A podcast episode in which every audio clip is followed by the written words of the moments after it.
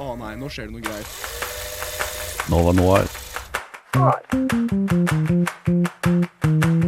Lyden av film. Jeg forventa Bas Luhrmann og fikk Bas Luhrmann. Stopp en halv nå, skal vi begynne å leke. Det skal være visuelt bra. Jeg har sett uh, tre filmer. Morbin, Morbin, Morbin, Morbin. Nova Noir. På Radio Nova. Sjangeroverskridende, du vet ikke helt. Postmodernistisk. Vi skal snakke om hvordan De bare satt og diskuterte. Da, da var jeg sånn ok, dette her var litt gøy, men dette er gammelt allerede. Eh, kommentarer på samfunnet og sett siden sist. Jeg har heller ikke sett Taxi Drivers. Jeg har heller ikke sett Taxi Driver. Nova Noir.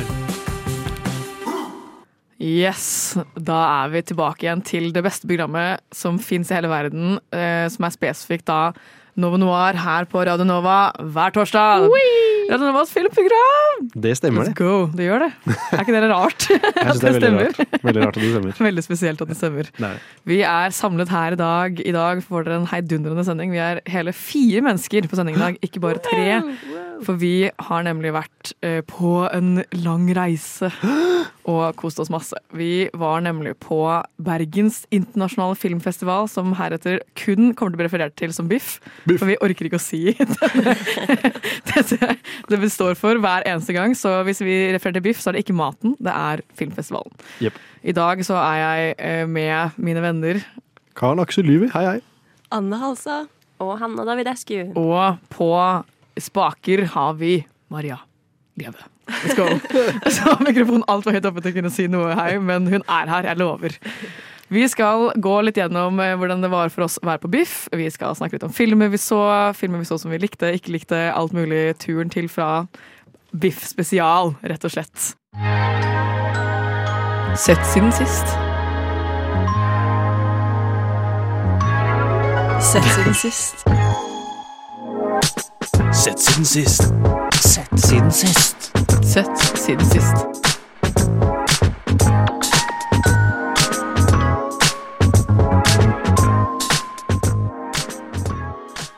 Vi skal da over i vår faste spalte Sett siden sist, der vi, hvis dere, du som lytter ikke vet hva det er, så er- snakker vi om en film vi har sett siden sist sending.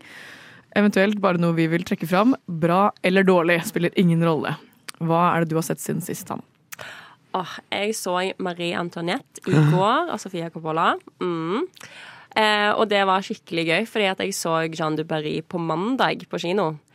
Så da følte jeg liksom at jeg fikk sånn ulike deler av historien, og jeg likte veldig godt at de på en måte Ofte hvis du ser filmer som handler om det samme, så blir det Føler du at nesten du ser liksom to forskjellige ting, fordi de, de motsier seg sjøl, sant.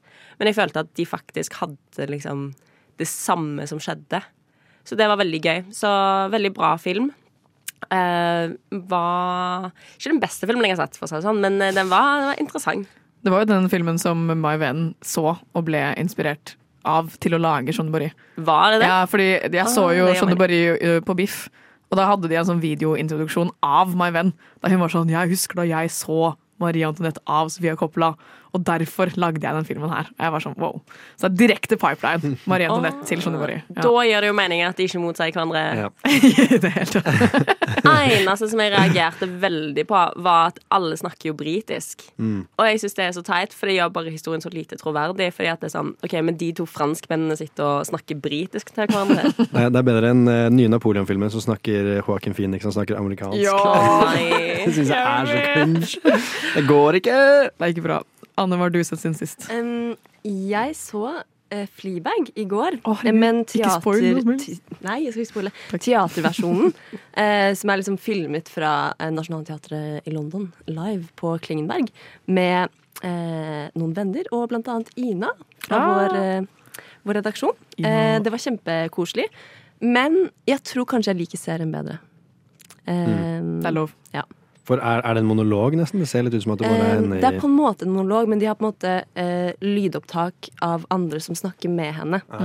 Men fy, altså, hun er helt syk på sånn ansiktsuttrykk. Mm. Det er nesten, altså sånn, hun, Man kjenner igjen de skuespillerne som har blitt castet i de andre rollene hun liksom later som at hun er. Det, ja. Oi. Men er. Fleabag en teateroppstilling først, og så en serie, eller andre veien? Eh, først teater, Først teater. og så har hun skrevet om til en serie. Mm. Mm. Og så har hun jo tatt ny tour, liksom?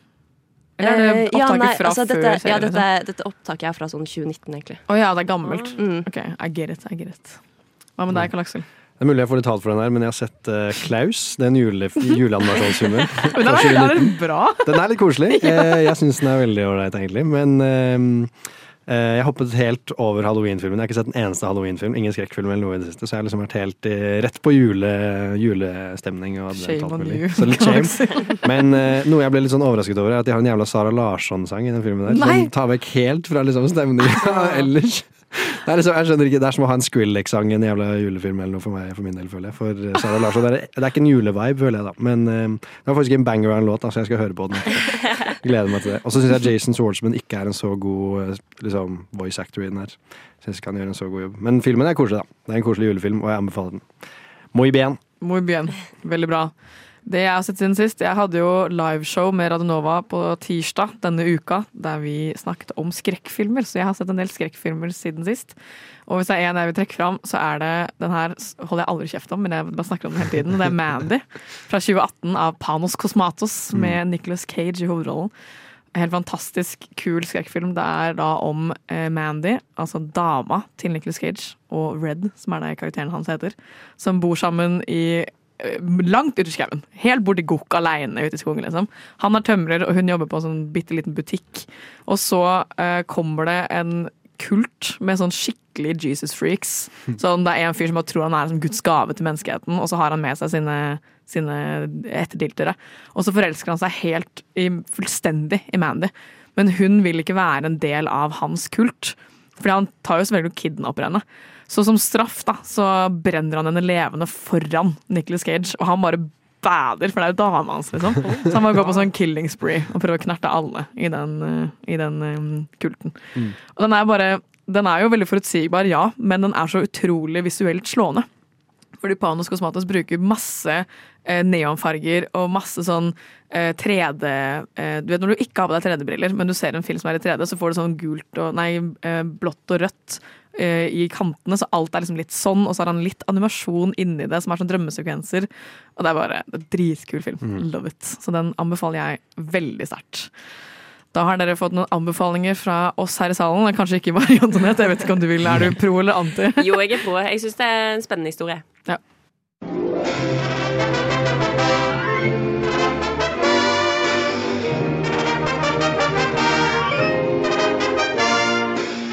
Du lytter til Nova Noir hver torsdag 10-12 eller på podkast når du vil.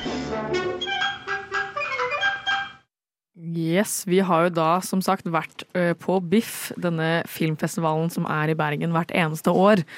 Og så er det jo sikkert noen som lytter på nå som lurer på hva, hva er greia med BIFF? Hva er dette her? Hvorfor snakker alle filmfolk om BIFF? Jo, nå skal dere lære litt om hvorfor BIFF eksisterer. Jeg eh, har nemlig googlet hva det skal være. Eller hva det skal være, alle vet hva det skal være. Men eh, det, hvorfor det fins. Og det er i 2000 så var eh, Bergen eh, europeisk kulturhovedstad. Så de skulle da lage et arrangement for det i anledning å være kulturhovedstad. Og da tenkte de ok, fuck it, vi lager filmfestival, det er kjempegøy. Og så ble det en megahit. Det kom 20 000 besøkende i 2000 eh, og skulle se på film. Og så har de bare vært sånn Dette var dritfett, la oss gjøre det igjen. Og så har de bare gjort det hvert år siden år 2000. Så eh, i 2013 så var det besøksrekord på 53 333 mennesker. Som er helt sykt. Eh, så um, fra år 2010 så har det vært liksom 45 000 besøkende hvert år. Som også er helt sinnssykt, når du tenker på hvor mange mennesker det er på da ja, Hvor mange dager er det? Tolv dager? En uke? Nei, to uker? Er en uke cirka. Ja, ikke sant? Eller er det kanskje mer? Jeg tror det er mer. Eh, Det var fra 18. til 27. Altså litt under ti dager, da. Som er sykt lenge, men kjempegøy og kult.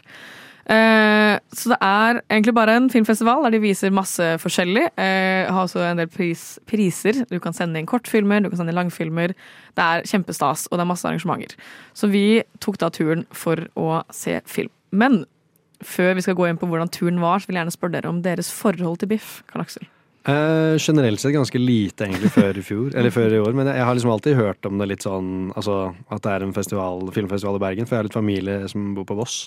Så jeg har alltid hørt at det liksom er en filmfestival, og jeg har alltid vært filminteressert. Så det har alltid vært sånn å, du får komme en tur og se på festivalen. Men jeg har aldri liksom, liksom gått noe mer inn i det. Og det er første gang jeg attender i år. Eh, men det blir jo veldig spennende å se liksom, besøkstallene i år, for jeg syns det var ganske fullstappa i så å si alle filmer jeg så. Så det blir veldig, og det, så å si alle filmene var utsolgt liksom, rett før visningen. Liksom. Til og med så, de som var liksom klokka ett på dagen. Ja, ikke sant. På en tirsdag, Ja, liksom. Så det var, eh, var ganske fullstappa, så det blir veldig spennende å se hvor mange som faktisk har vært der. Da. For jeg føler det var ganske mange i år. Mm. Men eh, ja, så, jeg har ikke hatt så veldig mye forhold til det før, før nå, egentlig. Men jeg skal definitivt dra tilbake neste år, for det var veldig, veldig gøy. Boom. Du da, Anne? Eh, For meg har biff vært en sånn ting som jeg eh, veldig lenge aldri har hørt om, utover at eh, biff er noe man kan spise. Eh, og så plutselig Ja, men dere vet noen ganger så er det sånn Der var den! Første biffvitsen i dag. Å, herregud. Da tar vi en count. Én for det.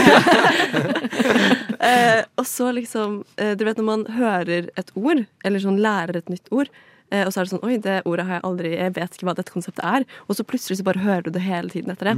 Jeg føler sånn at etter at jeg ble kjent med dere, eh, så har jeg liksom hørt det, og nå hører jeg det hele tiden. Og nå har jeg vært der, så nå er jeg en del av greia. Fett. Jeg har hengt veldig mye på gastropub før, så jeg hørte veldig mye der. Men uh, Wow.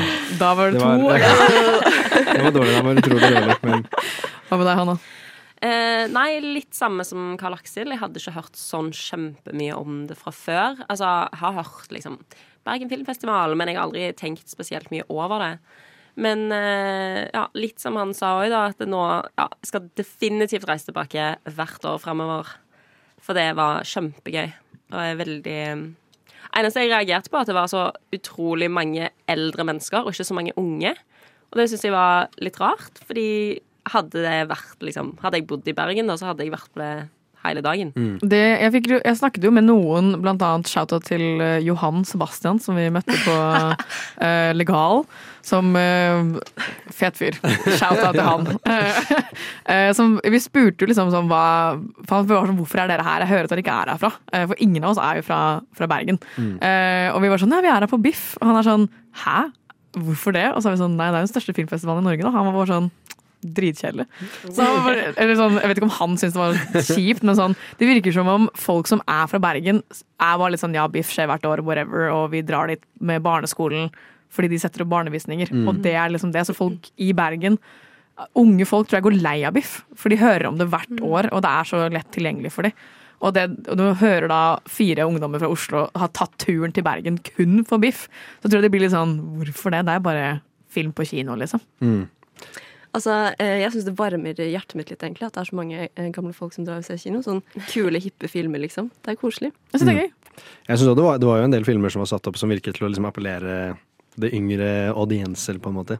Spesielt uh, All for Strangers og The Boy and the Heron. Ja. Og sånne ting. Jeg tror veldig mange på våre jevnaldrende i 20-årene liksom er Ghibli-fans. I hvert fall at de, at de har sett det, da. Jeg tror også at øh, Vent, da. Nå ble jeg litt Eh, Jeg tror også at vi som filmsæringer øh, ser filmer som kanskje voksne folk hadde sett, og ikke folk på vår alder. Så det er sikkert derfor vi så så mange gamliser i salen. Hva vil du si, Maria? Nei, jeg vil bare si at jeg kan bekrefte at folk i Bergen som vokser opp i Bergen, syns at biff bare Det bare eksisterer, på en måte. Man, Ikke sant? man drar dit. Og jeg gikk danselinja på videregående, og da eneste vi, vårt forhold til biff var da, det var at vi hadde en danseopptreden, liksom. Og så fikk vi gratisbilletter på kino. Ikke sant? Det er bekreftet. Maria, vår tekniker, har bekreftet at det er sant. Mitt forhold til biff er litt sånn som dere, at jeg har, øh, visste ikke om det før jeg ble liksom dypt filminteressert. Uh, hørte liksom om TIFF og biff og alle disse øh, forkortelsene. Eh, og var liksom, hva er det for noe? Og nå er, hører jeg jo om Biff eller TIFF eller alle disse filmfestivalene hele tiden. Og det er jo veldig gøy å da bli med på det, og ikke bare høre om det. Så det var veldig gøy å dra til Bergen og se på film og være der. Jeg tror jo også de fleste kanskje har en eh, god forståelse for at det fins liksom, eh, andre filmfestivaler utad, utenfor Norge, på en måte. Cannes og alt mulig. Berlin. Og TIFF. eh, Ja, ikke sant. Som ikke er TIFF i Toronto, Trondheim, nei. Tromsø, men TIFF i Toronto. Ikke sant? Men uh, det er jo filmfestivaler genuint overalt i hele Norge. Hele tiden er det nesten filmfestivaler. Nå er det jo Film fra sør, kommer jo nå i november i Oslo. Og så er det jo Det er filmfestivaler i Lofoten, for faen. Det er liksom uh, Ja, det er filmfestival. Det er, jeg tror det er liksom s- åtte i Mm. Oslo i året, liksom. Jeg tror generelt hvis du bare leter etter det, så finner du det i Norge. egentlig. Jeg tror eh, de aller fleste Ja. relativt store byer vil ha en filmfestival. Altså, Mm. Karl Aksel og jeg var jo på Mirage. Det var jo samtidig som Biff. Mm. Og så var det Biff. Og nå, denne uka, så er det jo Film fra sør. Mm. Så det er jo tre da festivaler back to back, Mm. bare i september og oktober. Som også er eh, sykt. Det var så veldig gøy å lese. Jeg leste, jeg stalka en del folk på Letterboxd når jeg så liksom filmer og reviews som var eh, lagd på ca. samme tid som oss. Og det var veldig mange som også hadde vært på f.eks. Mirage. Og jeg tipper det kommer til å være en del som sikkert har vært på Filmfasør, som også vil da være på VIF, og som vil da være på Mirage, da, eller som har vært på Mirage. Så det er jo litt sånn jevne, eller gjengangere, da. Det er vel det som er litt gøy der. Det er det. At, eh, hvis man først er interessert, så drar man vel på de aller fleste, liksom. Jeg tror det. Mm. Ja. My mama always said, Nova Noir was like a box of chocolates. You never know what you're gonna get. Vi var jo, som dere vet, i Bergen, og det er jo ikke bare å dukke opp i Bergen, du må jo også komme deg til Bergen. Så vi bestemte oss da for eh, å kose oss med Bergensbanen. Hvordan føltes det å ta Bergensbanen, den jeg elsker Bergensbanen. Det er uh, kanskje min favorittmåte å reise på ever. Hvis jeg, hvis jeg kunne commuta til jobb uh, med å ta Bergensbanen, så hadde jeg gjort det. Syv timer en syv vei. timer en vei. Neida. Men jeg, um, da jeg var liten, så var jeg veldig mye på Voss. Som sagt, jeg hadde familie der. Eller jeg har familie der. Eh, Så Død. ja, så. Nei, Nå ble det, nå ble det mørkt her. Men jeg tok, jeg tok Bergensbanen veldig mye med min mormor, så var sånn, det var en veldig sentimental tur for meg. For jeg har ikke tatt den egentlig på veldig mange år. Så, og jeg er veldig glad i å ta tog generelt, så jeg bare Nå høres jeg ut som en toggeek, men jeg Er det ikke det du er, da? jo er det. Eh, ja. Men jeg, jeg er veldig glad i å ta tog, og Bergensbanen er utrolig fin. Kan anbefales. Du burde definitivt ta den reisen hvis du skal til Bergen neste Oh. gang på Beef. Eller bare anytime. Jeg hadde aldri tatt det Bergensbanen før. Så det var aller første gang jeg tok det toget. Det var helt, eh, det var koselig. Ja. Det er jo egentlig utrolig chiller'n å bare ta toget. Jeg var litt sånn der å herregud, syv timer på tog. Ja, det går mye fortere enn man tror. Ikke sant? Jeg, jeg, jeg var bare sånn, jeg kommer til å kjede meg i hjel, men jeg Mm. hadde det jo kjempechiller'n. Det er jo mat sånn der du kan sitte og kjøpe varm mat, og det er bare masse fin utsikt, gode seter, uh, chilla. Masse. Mm. Det var uh, jævlig chill. Veldig mange turister også, som jeg syns er, veldig- det er, veldig hyggelig og morsomt. Synes jeg, For det, det er så mange forskjellige kulturer i liksom ett sted. Men det som er litt kjipt, er at det er, det er norsk kultur å ikke prate med fremmede. Så du får liksom ikke Jeg skulle veldig gjerne bare spurt folk Altså, jeg, Man kan jo bare gjøre det, da. men- Hvorfor er du her, Ja, liksom? hva, hva holder du på med? Nei da. Altså, det, det er helt, helt klart uh, Jeg skjønner hvorfor folk gjør det, fordi det er jo en utrolig fin tur. Mm. Det er det. Og så var vi jo da, Ja. Jeg bare syns det er skikkelig gøy hvordan altså sånn, Det gikk mye raskere å ta toget enn det gjorde å ta fly. Selv om fly egentlig bare er en time, for vi tok fly hjem. Og det er en time, i motsetning til liksom syv timer på tog. Og det bare føltes så utrolig Ja, og raskere. flyet vårt tok jo 40 minutter. For vi, vi klarte Ja. å komme oss et kvarter før tida. Sånn. Mm. Så det var jo helt bananas kjapt. Men sånn, det er jo Fordelen med tog er jo at du bare går til togstasjonen og så setter du deg på toget. Og så er du framme. Men Mens med fly så må du liksom fra hjem til eh, Oslo S, og så Oslo S til Gardermoen, og så være på Gardermoen og styre med alt det du skal gjøre på Gardermoen. Mm. Finne gaten, boarde flyet, og så fly, og så lande, og så boarde av flyet, og så Ja. gjennom hele liksom, flyplassen, og så ut. Og så må du gjøre all transporten i revers, da. Ja. Det er bare så mye mer du skal gjennom for å komme fram. Det tar jo kortere tid, men det er mye mer å gjøre. Ja, det tar jo ikke kortere tid egentlig med dere. Dere vil jo være på flyplassen sånn i fem timer før. Vi var på flyplassen så lenge. Ja, vi satt der i sånn Men, to timer og For å være helt ærlig, men, eh, Bergen, altså Flesland flyplass, har de beste sjokoladebollene jeg har smakt i hele mitt liv. På Point. De har, det var så gode sjokoladeboller der. point, da. Nei, Vi var jo sammen i Bergen vi fra søndag til fredag forrige uke Mm. eh, og koste oss i en Airbnb. Det var jo veldig hyggelig å være sammen. Mm. Det var jo gøy tur. Ja. Hvordan hva sitter dere igjen med etter å ha hengt med hverandre i så lenge? Um, jeg har blitt så glad i dere. um, og jeg, vil, jeg har blitt veldig glad i Bergen Ja, vet du også. hva. Eh, både jeg og Kaksel har snakket om at vi har lyst til å bo i Bergen. Alle har vel snakket om Ja, det. ja. Jeg hadde ikke klagd om jeg måtte. Det er sånn Vi håper nesten at noen pusher oss til å flytte dit, liksom. Bare sånn at vi kan bo der. Bare for å finne en unnskyldning. Jeg tror vi hadde det mest sånn derre, eh, øyeåpne sånn eye-opening øyeblikk da Annika Laksel og jeg var på Fløibanen for første gang. Jeg var i hvert fall for første gang, jeg vet ikke om dere Ja, sånn, jeg tatt den. Ja. Ja. Uh, Anna var sånn 'jeg har tatt den syv ganger', og var med dere på Fløibanen. Så vi sto der og titta ut og var sånn 'wow, så fint det er her'. Herregud, jeg hadde ikke klart det med vi hadde måttet bo her. det var så jævlig internt, liksom. Mange kaller det en turistfelle, men jeg skjønner jo igjen også hvorfor det er en jævla felle. For det er jo så jævla fint oppå der. Og du kan jo gå opp til eh, Nå glemmer jeg hva det heter, da. Eh, Ulrikken. Kan du, også, du kan gå Ja. fra Ulrikken. ja. ja. Ja. Unnskyld. Ulrikken? Er det to eller? Wow. Mm. Jeg? Men i hvert fall så kan man, man kan jo gå fra Ulrikken. Ulrikken. Ulrikken. Ja, Mm. jeg vet ikke. To K-er er det vel. Ulrikken? Ulrikken. Ulrikken? Hallo, nå vet jeg ikke lenger, for nå har vi sagt det Nå, så mange ganger. at tipper at det ikke er noe dobbelt hvis det er Ulrikken. Men det er jo både dobbel L og dobbel K. Ulrikken! Nei. Ulrik. Ulriken? Ok. Ulrik. Nå har vi okay, Uansett, vær så god, Karl Aksel. Fortsett. Man kan gå fra Fløibanen, eller fra, fra Fløyen til eh, Ulrik Jeg tør ikke å si det Nei. Det til andre fjellet. der, ja. Som er nordvest for Bløyen. Hvis det er noe jeg ikke likte med Bergen, så er det hvem er det som har tenkt at det er lurt med brosteiner i hele fuckings byen? vibe. Altså, Jeg gikk i flate sko og jeg holdt på å vrikke ankelen min sånn syv ganger om dagen. Liksom. Jeg skjønner ikke hvem som har giddet å gjort det. Hvorfor de gidder å bruke penger på det. Og altså, Det ser fint ut i sånn to sekunder, og så innser du hvor upraktisk det egentlig er å gå på det. Det som er, er at uh, Svartedauden kommer jo til Bergen um, Altså den kommer jo til Norge gjennom Bergen, og jeg tror det er veldig mye svartedaud under de brosteinene. Så hvis man tar brosteinene, så bare Unleasher the Ja, evil. Du gjenoppliver svartedauden, Å, liksom. herregud. Så det, du må tenke lenger enn som så, Karin! Ja, jeg tenker ikke, skjønner du. Nei, vi var jo kosa oss i Bergen, så på masse film. Vi skal nå dypdykke ned i filmene vi har sett. Litt favoritter, litt uh, minst favoritter, litt alt mulig rart. Så bare hang on tight. Du lytter til Nova Når. Vi går da inn i favorittfilmer fra Biff, og vi er jo fire mennesker, så vi tar det litt sånn to og to, litt fordelt, at det blir litt lettere å holde styr på. Jeg tenker vi begynner med Anne. Ja. Jeg skal snakke om en film som jeg har snakket Eh, Jeg skal snakke om en film som jeg egentlig har snakket om eh, tidligere eh, på sending. eh, og det er 'Anatomy of Fall'. Men den filmen har jeg nå sett to ganger på festivaler før den liksom har kommet ut offisielt. Eh, jeg skal kanskje se den en tredje gang.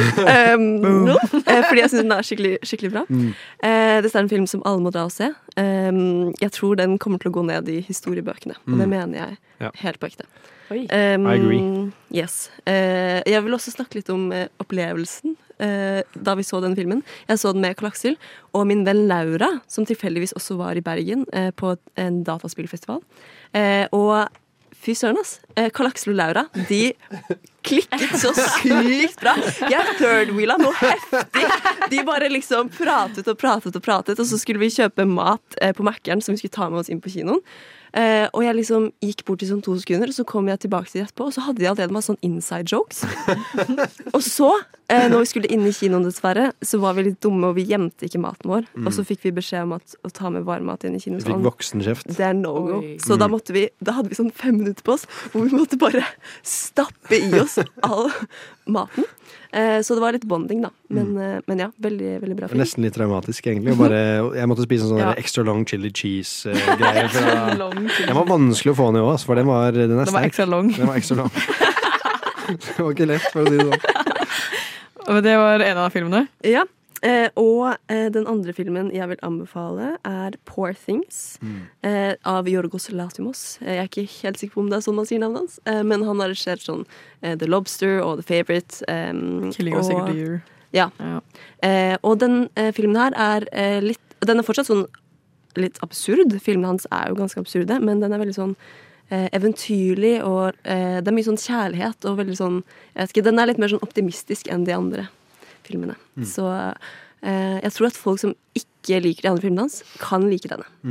Så gøy. Hva med deg, Karl Aksel? Hva er Eh, dine favoritter? Den, min desidert favorittfilm, eller den jeg syns var absolutt best av alle jeg så Jeg likte Anatomy for Vold eh, veldig veldig mye. Det var kanskje den jeg trodde som var favoritten min, men på siste dagen så så jeg The Zone of Interest. Jeg trodde jeg egentlig skulle se Critical Zone, som er den iranske filmen om en sånn eh, taxi, en, en dopsmugler i en taxi. Men så så jeg egentlig denne filmen om en kommandant på Auschwitz, og de bor dør til dør. Altså genuint hagen deres, så er Én av fire gjerder er uh, gjerdet til Auschwitz. Så de, de er liksom en familie som er liksom rett ved Auschwitz. Og du ser liksom bare perspektivet på hvordan en, en nazistisk familie uh, bare behandler hverdagen sin. da. Når liksom bakgrunnsstøyet og alt mulig rundt, og det du hører mens du sitter og spiser middag, er liksom noen som blir skutt, og liksom noen som blir piska, og noen som blir torturert. Og det er liksom skrik i bakgrunnen, og folk som ja, altså Det er bare en helt absurd film eh, som tar liksom et litt annet perspektiv på holocaust, da, som jeg syns var utrolig interessant. Eh, veldig givende film. Eh, selv om den var ganske subtil og vag. og liksom ja, eh, Men den hadde veldig mye kunstneriske grep. Den var liksom veldig sånn følelsesløs i vinkler i skuespill og så alt mulig sånn. da. Um, og den er for eksempel, forresten uh, Sandra Huler, hun som spiller i Fritt fall eller Anatomy for Fall. Hun er uh, en av hovedrollene i den, og hun spiller også utrolig bra. Både i Anatomy for Fall og i The Son of Interest, så den anbefaler jeg veldig. Boom, double Jeg- feature på Biff. Nemlig. Jeg er ganske sikker på at den her kommer til å vinne en del priser uh, nå til neste år, for den var utrolig, utrolig bra. Um, og jeg var helt sjokkert da Altså, avslutningen på den nå, liksom perfekt. Sånn, jeg kødder ikke, det var så perfekt avslutning, og jeg bare Jeg var så glad da jeg satt her, for den var liksom bare så sykt bra gjennomført, liksom. Bare Jeg var utrolig fornøyd. Og jeg har ikke sett noe annet av eh, regissøren Jonathan Glazer, men han har lagd eh, Under the Skin med Scarlett Johansson, så jeg skal definitivt se den eh, snart også. Um, og den andre filmen jeg vil snakke om, er About Dry Grasses av Nuri Bilge Ceylan. Eh, dette er da en ganske lang film på tre og en halv time, men den handler om en ganske egoistisk og selvsentrert mann som liksom bor i en sånn landsby eh, i dypt i de tyrkiske fjellene, i liksom en sånn veldig vinteraktig landsby. da. Eh, og du ser han bare har full stålkontroll over elevene sine og er veldig sånn autoritær. Eh, og han har et utrolig høyt ego, som sagt, og han, er liksom, han har veldig store tanker om seg selv. Selv om han bare er en sånn en kunstlærer på en barneskole. Og det bare Den minner meg egentlig veldig om Tar, for den bare nedbryter han totalt. Og så tar han noen kunstneriske grep som sjokkerte meg utrolig mye, som jeg likte veldig godt. Og ja, utrolig god film. Anbefales. Så det er, eh, hvis dere skulle plukke ut én av de to filmene som dere likte aller best, hvilken hadde det blitt da? The Zone of Interest er nok den jeg likte aller best. Uff.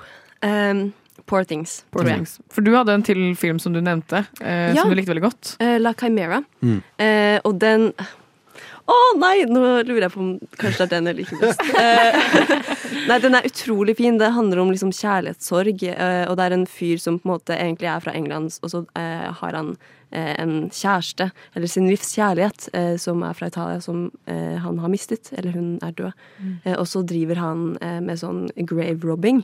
Eh, som er liksom en, ja, en greie som jeg, Nå vet ikke jeg om det er noe man gjør kjempemye i virkeligheten, eh, men han har liksom sånn en slags eh, tilknytning til eh, underverdenen, så han vet liksom hvor man kan finne sånne gamle graver med liksom verdifulle ting.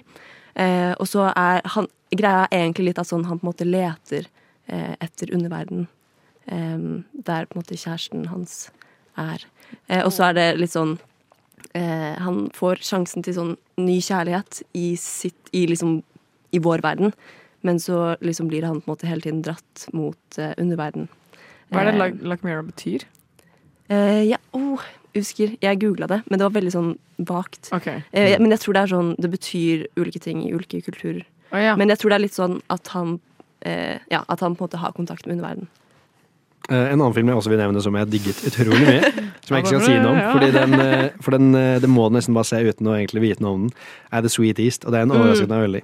Utrolig god serieopplevelse, må ses på kino, anbefales. Vi prøvde jo å se litt forskjellige filmer, så vi ikke skulle liksom bare sitte igjen med de samme inntrykkene og samme Mm. anmeldelsene. Og det er, det, de sender jo helt ufattelig mange filmer, så vi Jeg har ikke sett noen av de dere har anbefalt nå, så det er veldig gøy for meg også å høre hva dere syns, og hva Mm. dere likte og ikke likte. Ja. Jeg anbefaler å gå inn eh, helt blindt når du skal se The Sweet East. Mm. Det er en så Ja. fet film. Ikke, ja, ikke se trailer, ikke se noe som helst. Bare, bare se den, og ja, det er en reise. Det er en reise.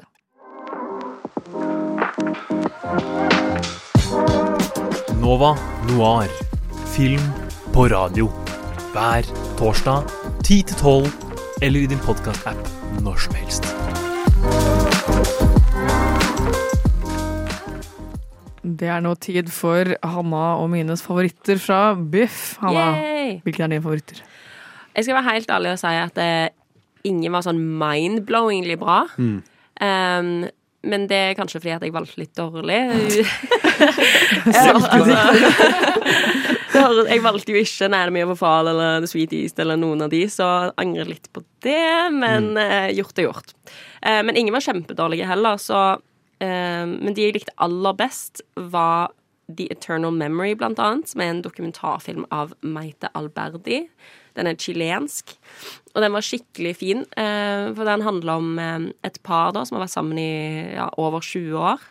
Og handler om han For han får Alzheimers, og så handler det om liksom hans Ja, fra å gå fra liksom dårlig til veldig mye verre, da. Og jeg bare syns det er så fin Den var veldig fint oppbygd, og du så veldig tydelig den kjærligheten mellom de, og du fikk liksom et innblikk i hvem han var, og hvem han har blitt, og hvem han blir. Og jeg bare, ja, jeg bare, den var bare veldig fengende, og jeg gråt så mye. Og ja, jeg elska den filmen. Det er en av de beste dokumentarene jeg noensinne har sett. faktisk. Jeg sovna. Du sov... Ja. Vi snakker ikke om det, Karen. Det var én film jeg sovna under, og det var den. Noe jeg syns er veldig søtt med Eternal Memory, er at han blir jo utrolig dårlig. Han, får jo, han, er jo, han har jo ikke noe kognitiv helse i det hele tatt, men du bare ser hva slags person han var. Mm. Bare på hvordan han er når han er kognitivt dårlig. For han, han har så mye kjærlighet i seg selv om, selv om han er utrolig liksom, syk. Det er en veldig søt Ja. fyr. Mm. Ja, ja, ja, du får liksom altså, Han bare virker som verdens fineste menneske, og sammen med hun og ja, det, det er bare veldig tydelig hvor mye de elsker hverandre. Og, Det er et fantastisk forhold. Ja, Det var jo bare helt sånn det alle drømmer om, minus at Mm. får Alzheimers. da. Så fantastisk at man sovner. Ja. Det jeg tar kritikken. Jeg sovna på én film til, men den snakker vi ikke om. Ja. Ja. Ja. Nei, jeg syns det var i hvert fall en av de, eh, en av de bedre filmene. Eh, for den var, ja, den var veldig godt laga, den var interessant, den var opplysende, den var vakker. Og ja, jeg gråt flere ganger. Så bra. Eh, den andre som jeg likte veldig godt, som jeg vil trekke frem, er Fireworks. Ja! som er en italiensk film av Giuseppe Fi Fiorello. Um, og den er basert på en sann historie og handler om to unge gutter som forelsker seg i et litt sånn uaksepterende Cecilia, da. Og jeg bare Den var Jeg er veldig glad i sånn basert på en sånn historie-type filmer, fordi at det, ja, det, det viser noe ekte, da. Eh, og den var skikkelig sterk, og den, du sitter liksom igjen med en følelse av at fy faen, så urettferdig verden er og har vært. Eh, det var eneste jeg ikke likte så godt, var at han hadde liksom noen sånn eh, løse tråder som jeg følte at han ikke Mm. helt ja, svarte på, da. Og det er også litt imponerende at den klarer det når den er to og en halv time lang. Ja. Det var en kjempelang film. Eh, Jeg var også så den sammen med Hanna og Anne, eh, og likte den veldig godt. Um, Det er liksom Call By Name, bare egentlig tristere, fordi det skjedde i virkeligheten, liksom. Ja. Og det er satt i Italia på 80-tallet, og det er to gutter som forelsker seg, på en måte. Eh, Men jeg merket jo også at de som var skuespillere, ikke hadde spilt så mye før. For de var jo unge og mildt uerfarne, og det merket man liksom i noen scener at da, når den tråden ikke ble tatt opp igjen, Mm. så ble det så veldig tydelig, Mm. på en måte. Ja. Ja, så det var jo Tenker du på den nå- nå dansingen bare- med ja. Ja, Nå bare husker jeg den filmen. Det er så mye sånn, sånn Selve historien er veldig fin, men så er det så mange sånn Rare rare, karakterer. Og jeg skjønner at det er sånn, det, det er en annen kultur. Men det er en scene hvor han ene gutten danser med moren sin. Og det, det er ikke greit å danse med moren din på den måten. hverandre. Ja. Liksom. Det, helt, Ja. det var så intenst. Det var skikkelig ubehagelig å se på. Men altså, så det var et par løse tråder som man, eh, som man ikke helt plukka opp igjen, og det var jeg ikke så fan av. Men generelt så syns jeg den var en av de beste filmene. Og um, jeg vet ikke om altså, regissøren hadde tenkt at det skulle være liksom en åpenhet for tolkning, eller hva poenget var, men eh, ja, det Når han er så lang, så føler jeg at han ikke burde ha så mange løse tråder. Men ja. det er en skikkelig god film som setter lys på hvor vond verden har vært og kan være, da. Syns jeg.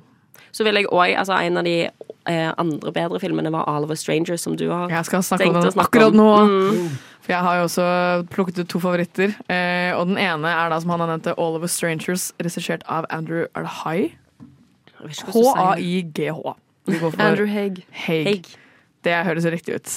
Som da er med eh, Andrew Scott og Paul Mescal, eller Mescal, eller whatever I don't know. Han er Ja. irsk. Han er, han er, han er kjekk. Og, Han er kjekk. Det handler i hvert fall om eh, Andrew eh, Scott sin rolle, som jeg ikke husker akkurat nå hva heter, sånn i løpende, løpende stund. Eh, Rollen heter Adam. Adam, som eh, bor i et, et leilighetskompleks i London, eh, helt alene. Og som forfatter, og er egentlig veldig alene. Han har jo da mistet foreldrene sine i bilkrasj da han var ung, og har liksom ikke helt kommet seg etter det. Sliter veldig med å finne andre å dele livet sitt med. Og møter tilfeldigvis sin nabo, eh, som da blir spilt av på Mescal, eh, etter en brannalarm. Og så innleder de et, et seksuelt forhold. Eh, I tillegg så begynner han å besøke sine avdøde foreldre. Som er litt spennende. Jeg syns det er veldig kult. Jeg likte mest jeg, liksom, Storyen er jo liksom så som så, men det var ikke det som fengslet meg så mye. Det var mer måten den er laget på, med settdesign, farger, kostymer, drømmesekvenser, bruk av lys. Alle disse tingene som solgte meg med den. Jeg kan jo skjønne at liksom, storyen er forutsigbar og på en måte whatever, men det var liksom det som solgte meg med den. Det var eh, Åpningsshotet på den filmen her eh, er egentlig bare et sånn panoramashot av liksom London eh, og en soloppgang. Også når solen går opp og solen reflekteres på vinduet, så ser du ansiktet til Andrew, Andrew Scott, og jeg syns det var så jævlig bra shot. akkurat Det der. Det var så jævlig god åpning på den filmen. Det var sånn jeg, jeg satt og måpte jeg når den, når den begynte. Ja, ja, ja. Veldig, veldig god starter. Og den er utrolig pen skutt. Filmteknisk sett så er den helt fantastisk. Hvis du er veldig liksom, sucker for god klipping, eh, god lys, eh, fargebruk, sånne type ting. Og jeg syns egentlig bare leiligheten til Adam var bare helt sykt. Og jeg satt og så liksom, på fargekombinasjonene og hvilke lamper de hadde brukt liksom, på nattbordet hans, og hvordan de hadde satt det, jeg ble helt sånn wow, dette var dritkult. Så det er mer en sånn settdesign-messig film jeg likte. Eh, Den andre filmen det var ikke nødvendigvis liksom favoritten min, men den har jeg tenkt liksom mest på i ettertid, som jeg vet at ingen av dere er enig med meg i, men det er noe fuck, er 'Bastarden'. Eh, Regissert av Nicolai Arkel. Eller Arsel. Dette er mye dansker. Altså, know. Men det er i hvert fall Mats Mikkelsens nye film som handler om eh, kaptein Ludvig, eh, som eh, vokste opp som en bastard, der moren var kokk og faren var en godseier. Og så har han mye hat for adelen. Så han har da brukt 25 år sitt på å bli kaptein i militæret. Og bestemmer seg for å forsøke å dyrke det de kaller for heden, som er et stort landområde i Danmark. Jeg tror det er en tredjedel av hele Danmark som bare er lyng og sand, som ingen klarer å dyrke. Eh, og så har kongen da sagt at den som klarer å dyrke dette landet, får bli liksom adelen av området. Og det er mange som har prøvd å dyrke det før han, eh, men han er sånn 'dette skal jeg få til'. Jeg har et knep. Eh, og er så sta og nekter å gi opp og bare er sånn 'dette skal jeg få til', fordi fuck alle adelsmenn. Eh, samtidig så er det da en, en, selvfølgelig en adelsmann som bor rett ved Heden, som mener at Heden var hans land, for han bor nærmest. Og så inn- innleder de da en kjempekrangel om da hvem som eier landet, og hvem som har rett på det, og liksom eh, mest av sosiale roller i Danmark på midten av 1700-tallet. Jeg bare den var dritbra. Så it was very nice. Det var første filmen jeg så også, så det satt liksom skikkelig standard for hva jeg forventet etterpå. Det er ikke det at den var liksom dritbra og fantastisk, jeg har bare tenkt veldig mye på den i ettertid. Og jeg likte den såpass godt at det ble liksom Hvis ingenting var det samme som den etterpå, så ble jeg litt skuffa. Hvis det gir mening. Ja. Um, En god start, altså. det var en god start. Det var det. Jeg Jeg vil gjerne det- se den igjen. Veldig gøy hvordan dine favorittfilmer er egentlig bare de filmer med de kjekkeste mennene. Det, hva skal jeg si? Jeg er jo glad i en god dilf, liksom. Nei! Nei, ja, uh, Jeg må, så jeg må definitivt også se Bastarden igjen. For jeg, Ikke sant? Men det var, en, det var en scene der som du uh, påpekte var veldig sånn Assassin's Creed. Og den scenen den fikk meg til å cringe så jævlig. For det, var sånn, det? var den hvor eh, han liksom løp gjennom en busk for å snikmorde noen. Å, og så ja. Snikmorde var genuint at han kutter halsen på en fyr som står fem meter unna en sånn tre andre folk som sitter ved et bål. Og det er umulig at de ikke legger merke til at han tar og st- kutter strupen Altså, det er ikke lydløst å kutte strupen til noen. Jeg har prøvd, nei, jeg tror det er ikke det, men det er i hvert fall, det, jeg regner med at det lager en del lyd. Da, i hvert fall. Og Ja, det, fordi det er jo uh, adelsmannen uh, Jeg husker jo Jeg husker ikke hva noen heter, men Nei. denne, denne um, Det Schinkel? Gar, ja, Det Schinkel. uh, er jo bare hater Ludvig von Kehlen, Ludvig Kehlen bare så mye. Og liksom setter da en gruppe lovløse menn på han til å drepe han. Men Ludvig er bare sånn Dette så jeg komme på mils avstand, så han går bare rundt i liksom skogen og prøve å knerte dem. Men jeg føler bare jeg spilte fem minutter med Assassin's Creed. Fordi som et du kan bare gå i en busk, og så er det ingen som ser deg Ja, ja. i store gåstein. Og så kan du bare gå og knerte en fyr som lager masse lyd, men fordi du knerta han så fort i også store gåstein, Mm. så er du bare videre til neste Ja. punkt på lista, liksom. Bare, akkurat den scenen var litt goofy, Ja. men jeg syntes det var kult. Hvilken film er det du likte best av de to du plukket fram? Åh, det er et veldig vanskelig spørsmål. Ehm, jeg tror The Eternal Memory. Men det er bare fordi at det satte veldig sånn standarden, egentlig. Så nå er jeg sånn Ja, jeg skal ikke være sammen med noen min mindre han elsker meg så mye som han, eller ja. Jeg synes liksom Ja, bare kjærligheten mellom de to var så fin at Mm. det gjorde hele filmen bare fantastisk, egentlig. Jeg tror eh, Jeg tror jeg ville valgt All of Us Strangers, mest fordi bare den satt så veldig sånn visuelt preg på meg. Eh, og jeg, vil, jeg er veldig glad i så fargerike filmer som den er. Og jeg bare jeg håper at flere folk benytter seg av det. Så tror jeg sånn er en film som eh, flere folk kommer til å liksom all over like. Jeg tror Bastarden er veldig sånn liker du historisk drama, så er det dritbra for deg. Mm. Men jeg tror ikke det er lett Jeg tror det er vanskelig å anbefale den til andre, så jeg vil heller anbefale folk å se All Us Strangers når den kommer på kino. Så det er de Hvis den kommer på kino. hvis den kommer på kino, ja, for den skal jo egentlig ha premiere i mai neste år. Men den er blitt utsatt og utsatt og utsatt, og utsatt fordi eh, alle involverte, tror jeg, er med i streiken i Hollywood. Mm. Så den er ikke sikkert kommer til Norge engang. Men eh, når den kommer, hvis den kommer, jeg håper det, så må dere dra også. Fra ende til annen intenst. Nova Noir. Vi skal da fra favoritter til uh, filmer vi ikke nødvendigvis uh, likte så godt. Og det er jo Vi så jo uh, vet ikke jeg, 30 filmer og sånn på den uka vi var der. Jeg tror jeg så 12 filmer på fire dager. og sånt, Så det var jo vi, det var mye på en gang. Mm. Og da sitter man jo åpenbart igjen med et par filmer man ikke likte så godt. Ja, Og det er jo noe vi er enige om, noe vi er uenige om. Så her begynner det fra intens fra ende til annet. The Flames. Let's go! Hva er den filmen du ikke likte, Hanna? Eller én av. Uh, ja, jeg har to som jeg ikke likte. Um, og så selvfølgelig så var det jo andre jeg likte mindre enn andre, men, uh, men de to likte jeg ikke. Uh, og den ene heter uh, Anhel 69. Og det er en colombiansk dokumentarfilm av Theo Montoya. Og filmen handler om veldig mye, men eh, kort fortalt så handler det om eh, at vennene hans dør, egentlig. Eh, av overdose eller av eh, hate crimes, fordi at det, han er i det skeive miljøet og sånn. Eh, og det er veldig mange viktige temaer som blir tatt opp, eksempel ja, narkotika og eh, skeivhet og ja, altså Veldig mye forskjellig, da, men, men som er viktig å sette lys på. Men problemet er at han lager filmen as he goes mens folk dør, så han endrer hele tiden. Så det blir skikkelig rotete. Så jeg føler ikke at det, han faktisk klarer å sette lys på, på det han prøver på, da. Så det blir liksom Han mista meg, han varer i 1 time og 15 minutter, men han mista meg etter sånn 15 minutter. Og det syns jeg er skikkelig trist, for det er jo egentlig veldig viktig, eh, det han prøver å formidle. Men det, siden det blir så rotete, så klarer jeg ikke å følge med. Sant? Så Men ja.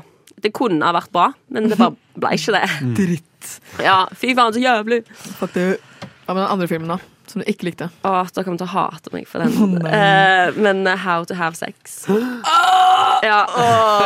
Jeg vurderte å snakke om den som en av favorittene mine. Liksom. Ja. Uh, Så det er bare Det svir. Mm. Den har jo bare fått bra reviews, omtrent. Av alle andre. Av alle andre. Uh, jeg tror jeg har gitt den minst. Karl Aksel ga han vel tre stjerner eller noe sånt. Du Ja. endra på Ja, det. han to og en halv Du tok han etter de andre begynte å snakke til deg, og det Nei, men Du eh, lot deg påvirke. Men vi hadde gode poeng. Men vi kan jo kjapt fortelle om hva filmen handler om. Det er da tre venninner. Det er Tara, uh, Emma og Hva er det den siste heter? Uh, I don't know, whatever. Det spiller ingen rolle. Tre venninner, britiske venninner, uh, som reiser på en sånn typisk jentetur til Spania. Sydenferie. Nei, til Hellas. Til Hellas er de. Mm. Eh, og det er jo veldig vanlig at britiske eh, ungdommer og unge voksne reiser dit for liksom fylletur. Eh, så det, er, det skal da være en film om dette. Og disse tre jentene er da barely de skal, Jeg tror de skal være rundt 18. Sånn akkurat 18-19. Jeg tror mye av plottet var at de var under 18, og så latet de som at de skulle være 18. De hadde fått seg være. falske legg og sånne type ting. Da er de 17, da, sier vi. Eh, og skal da ut og feste, ha det gøy, lættis, men også da miste jomfrudommen sin. For det er én i den vennegjengen som ikke har hatt sex før.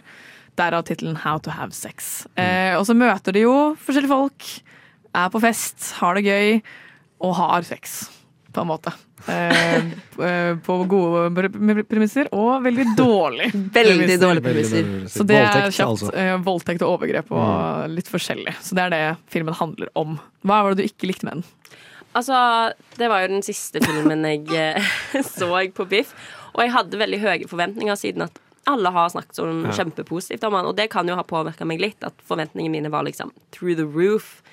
Um, men jeg bare uh, syns at den er veldig dårlig oppbygd. Altså, det er jo egentlig veldig viktige tema. Altså, det er jo en realistisk fremstilling av hvordan voldtekt kan være. og at, det ikke, at det kan være noen du kjenner, og at du kan begynne å sette spørsmål med situasjonen.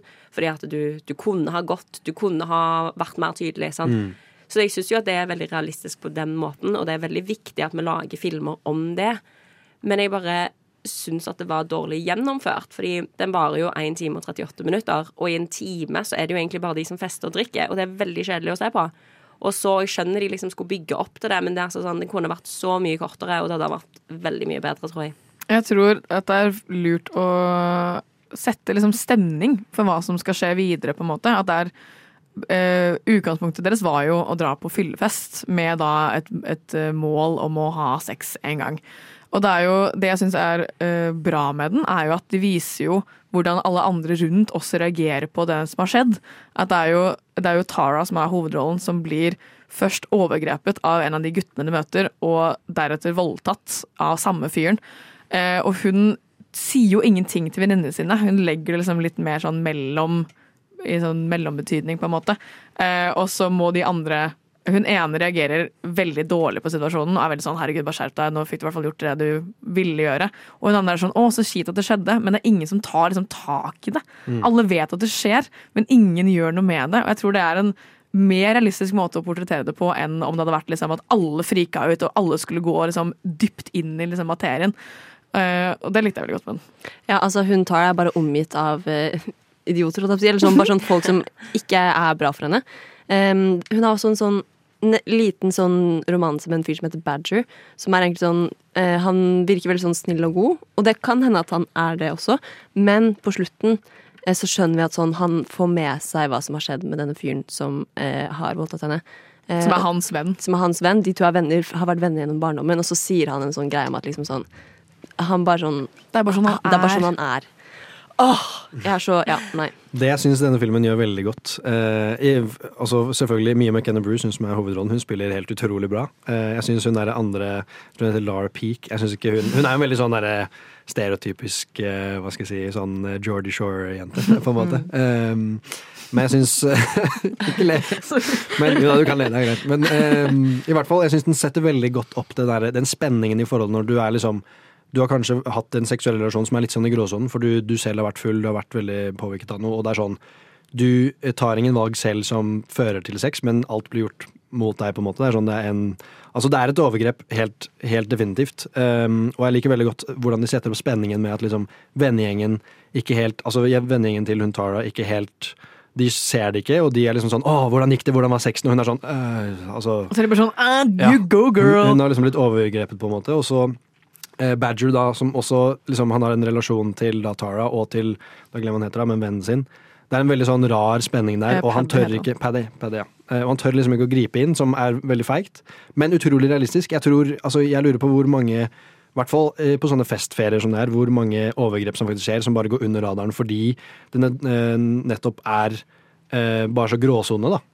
Det, det syns jeg den lagde Eller det gjorde den veldig godt. For det, til det du sa, da, om du ikke likte den Jeg satt jo, eh, det Hanna sa om at det var liksom litt mye festing. Jeg satt jo igjen og følte at jeg var fyllesyk etter at jeg så ferdig filmen. på en måte. Mm. Så det blir jo mye festing og tulling og eh, mye av det.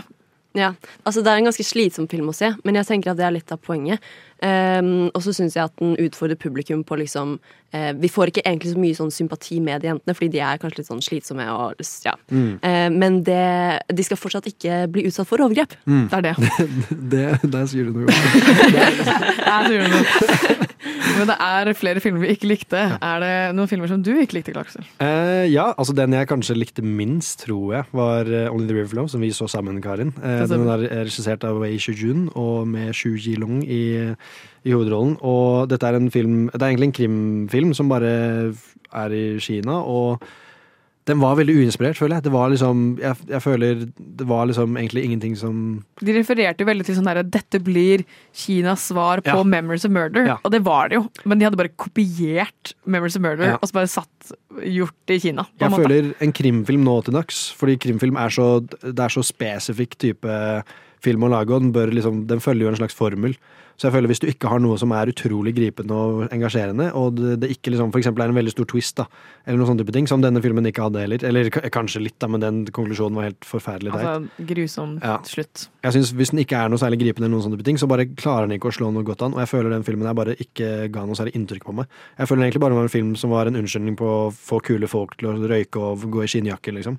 Og det er jo kult Og se på men film på VHS, på en måte. ja. Men noe jeg synes, det som kanskje gjorde filmen verre, var at det var en sånn drømmesekvens som var på sånn fire eller fem minutter, som var utrolig kul. Liksom veldig visuelt slående, og bare eh, farge Altså Fargepaletten i den filmen her er bare utrolig grå, men i den drømmesekvensen så var det bare sånn De spilte på veldig mange Altså veldig mye tema som, tematikk som var i filmen generelt. Så var det Men- perspektiv. Perspektiv. For da var du fra førsteperson. Ja, det og var også kjemperart. Den, den endret veldig Altså den tok noen stilistiske valg i drømmen som var utrolig kule. Som var sånn Da ble jeg så skuffet, for da så jeg hva filmen faktisk kunne bli. da Og så ble den ikke det. Den ble ikke det. Ja, jeg var også litt skuffa over den, mest fordi du så liksom slutten komme fra da filmen begynte. Og det ble Altså, jeg er ikke sånn utrolig stor fan av krim i utgangspunktet, i noen litterær form, om det er liksom bok Nei, noen medie generelt. Film, Mm. bok, serie, ingenting. Jeg syns det blir veldig forutsigbart, og den her var bare det jeg ikke liker med krim i en film. Så jeg ble litt lei, Ja. liksom.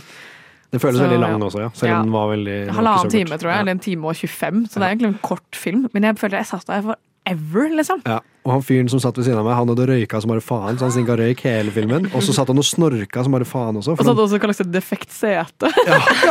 det så, altså, hvis jeg satte meg opp, så bare ramla hele ryggen min ned. Så plutselig når jeg skulle sette meg ned, så var det som at jeg liksom lå i kinosalen. Det var utrolig rart. Ble vi fanget den bak. Ja, Det var en veldig rar kinopplevelse. Ja. Var det en til film du ikke likte? Ja, jeg så en annen film som faktisk vant en pris. Jeg husker ikke hva det var. Jeg tror det var Den vant liksom den gjeveste internasjonale prisen, tror jeg, som het eh, Old Dirt Roads Taste of Salt. Som for meg var eh, en veldig sånn poetisk eh, meditativ film, liksom. Utrolig fin og vakker å se på, men den bare Den dro seg så jævlig ut, og den var ikke kronologisk, så den hoppet gjennom tidslinjer og sånn. Og det var veldig åpenbart at den prøvde å liksom male et bilde av utroskap og litt sånn forskjellig, og liksom familiekonflikt med en død mor og kanskje en farrelasjon som ikke var så Altså, det var liksom Det mal, prøvde å male noen bilder, men så føler jeg ikke at jeg hadde noe kontekst eller noen sånne ting. At jeg klarte å skjønne hva som skjedde i det hele tatt. Og den var bare veldig sånn poetisk og liksom veldig vakker å se på, men den, det, var ingen Altså, den var veldig kjedelig. Den kunne vært tolv minutter for min del, og bare vært eh, Men den var en time og 40 eller noe sånt. Eh, så jeg satt igjen med en veldig sånn kjip, poetisk eh, vibe, på en måte. Ja. Men eh, vakker å se på, da. Det var den altså. Det var det. Så hvis dere liker eh, visuelt slående filmer, men ingenting annet, se denne filmen.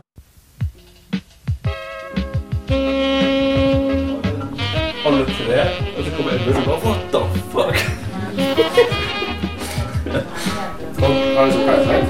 Ja, har du sett Parasite? Du vet når hun gjør den der, den der huskeringen sin? Å, shit, shit. Uh, Nova Noir.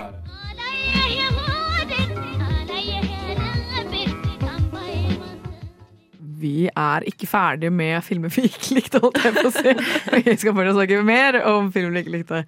Anne, hva, hvilke filmer er det du ikke var så fornøyd med? Åh, dette har jeg gruet meg til å snakke om. Nei da. Fordi eh, de to filmene som jeg ikke likte så godt, eh, var blant annet All of Us Strangers og, og Bastarden. Det var begge filmene jeg likte. Men jeg gledet meg så mye til å se Bastarden. Sånn, den hadde fått helt syke anmeldelser. Sånn Mm. skikkelig bra anmeldelser. Eh, og jeg tenker sånn, hallo, det er jo en dansk film med Mats Mikkelsen, og de filmene er jo vanligvis eh, fulltreffere. Um, men det var ikke det denne gangen for meg. Men først vil jeg snakke om Always Strangers. Det er lov. Um, ja. Jeg vil, jeg, kan også, jeg vil også bare nevne at ehm, jeg tror forventninger I denne festivalen så har jeg prøvd å bare ikke ha forventninger til noen filmer Ja. i det hele tatt. Samme. Og, men Ja. de filmene jeg fikk inntrykk på før filmen, var 'Bastarden' og 'How to Have Sex'. Og det er de to filmene jeg liksom har følt meg mest liksom, Ikke knust, men sånn bare sånn Åh, det var ikke det jeg ville, på en måte. Og det føler jeg er litt farlig, i hvert fall når du er på filmfestival og du ser så mye filmer og det er så mye inntrykk. Og vi så jo også 'How to Have Sex' liksom siste dagen på torsdag. Ja, ja, ja jeg sparte på- jo den til siste dag, for jeg var Ja. sånn Dette har jeg hørt det så bra Ja. film, det skal være en sånn- bra knallavslutning. Og så var jeg sånn, ah, ja. Så jeg tror forventninger har veldig mye å si, i hvert fall. Når, man, når man går inn i en kinosal. Da tror jeg, fordi du sa det, så tror jeg kanskje at jeg heller snakker om Bastarden først. Mhm. eh, fordi eh, jeg tror jeg så, jeg så Poor Things rett før jeg så Bastarden, og jeg tror eh, opplevelsen jeg hadde med Poor Things, eh, farget veldig opplevelsen jeg hadde med Bastarden. Ehm, fordi Poor Things handler jo på en måte om ehm, en kvinne, eh, eller sånn å være eller å bli en kvinne i vår verden. Ehm, det er veldig eh, vanskelig, men liksom vakkert, og den på en måte eh, hadde et veldig sånn feminint blikk på verden vår, eh, spesielt når det kommer til vold og sex. Em, og det blikket hadde ikke Bastarden. Eh, på noen som helst måte. Der, vold ble håndtert på en veldig annen måte der, som jeg kanskje syns var litt sånn slitsomt eller sånn irriterende. Og så var det i tillegg en sexscene der som var bare sånn Det var så Helt cringe. unødvendig. Jeg døde av den. Med, med Og det er nesten litt Bra. sykt, fordi det var Mats Mikkelsen eh, var jo i den sexscenen, så hvorfor var ikke det en bra sexscene? Tenker jeg. Den sexscenen så var det sånn, kvinnen var bare sånn 'Jeg må ha det her'. Jeg må det. Og det var sånn øh, Jeg tar jo uh, absolutt all kritikk, fordi det er jo ikke det at jeg likte den fordi den var som en uh, original film. Du likte den jo for sexscenen, gjorde du ikke? Ja, det var kun derfor meg. Da. Uh, og Mats Mikkelsen på pint ansikt på For å referere til Anne sin anmeldelse. Nei, jeg vet ikke. Jeg, det er jo veldig lite originalt, og det er jo når man da ser en helt annen film før, også en veldig sånn mannemann, action, kostymedramafilm, så blir det jo på en måte Altså, det er jo ikke en kjempedritbra film, liksom. Eh, og det er en veldig maskulin film. Det er veldig mye sånn maskuline måter å håndtere ting på, eh, og reagere på. Eh, dette sinnet til både da Ludvig Kelen, som er Mads Mikkelsen, og De Schinkel, som da er denne godseieren. Eh, de som da bare krangler mann mot mann. Altså, Jeg kjenner meg jo ikke igjen i det, på en måte, men jeg skjønner jo det jeg sitter igjen med, er mindre at de var sånn menn mot menn, men mer det underklasse og overklasse. Og det sinnet som da eh, Ludvig Kelen sitter med, som da bare blitt basically bare kastet bort av samfunnet fordi han er en bastard. Ja, og det versus, likte jeg da, godt. Ja, versus da bare en bortskjemt liten drittunge uh, adelsmann som da skal være sånn Jeg eier det landet her fordi jeg har rett på alt i hele verden. Uh, ellers enn det så er det jo bare en, en, et kostymedrama, liksom. Ja. Så den, den skjønner jeg. Jeg synes Det var kanskje mitt største problem med Bastarden, var at uh, han de Schinkel var litt for karikaturisk. Ja, han liksom. var karikert. Ja. Han var litt, uh, Ja, han var sånn litt for heftig Han så ut som en uh, ond person. og han hadde masse sånn rar sminke. Han så bare kjempeskurkete ut. Ja. Men hva med Oliver Strangers, da? Strangers. Ok, det er litt merkelig kanskje å snakke om den filmen. Um, fordi den er litt personlig. Eller sånn tematikken og handlingen eh, er litt close to home. Um, og jeg tror kanskje Så jeg er litt biased, på en måte. Um, lov, men jeg likte den fortsatt ikke. Eller sånn, jeg syns strukturen var kjempemerkelig. Jeg var sånn, Er dette en dystopisk film? Det er noen sånne magiske elementer her som ikke blir helt forklart. Og så syns jeg bare at den filmen har ingen rett til å være så mørk og tung. Det er ikke et halvt sekund med håp i den filmen. Og når jeg da liksom på en måte kjenner meg igjen i en del av de tingene som skjer i den filmen, så ble det, det ble bare altfor mye. Og jeg bare satt der og hadde det skikkelig vondt. Men uh, ja. jeg synes nesten altså sånn, Jeg òg kjente meg igjen i veldig mye av det, den handlingen, men Mm.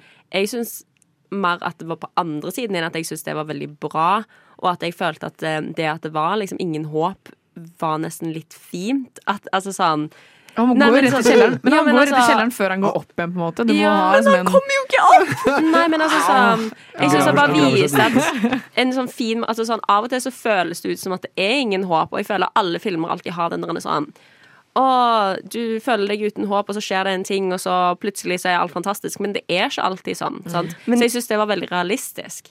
Men jeg mener at film og teater Jeg mener. Aristoteles mener. eh, har et samfunnsoppdrag, og vi skal liksom eh, få utspill for følelser og bli utdannet i eh, ja, emosjoner og katarsis, og så skal vi gå ut i verden og endre den, og liksom Da trenger vi litt håp, og, men det var ikke noe håp! Man trenger ikke håp alle gangene, da. Jo. Alle gangene?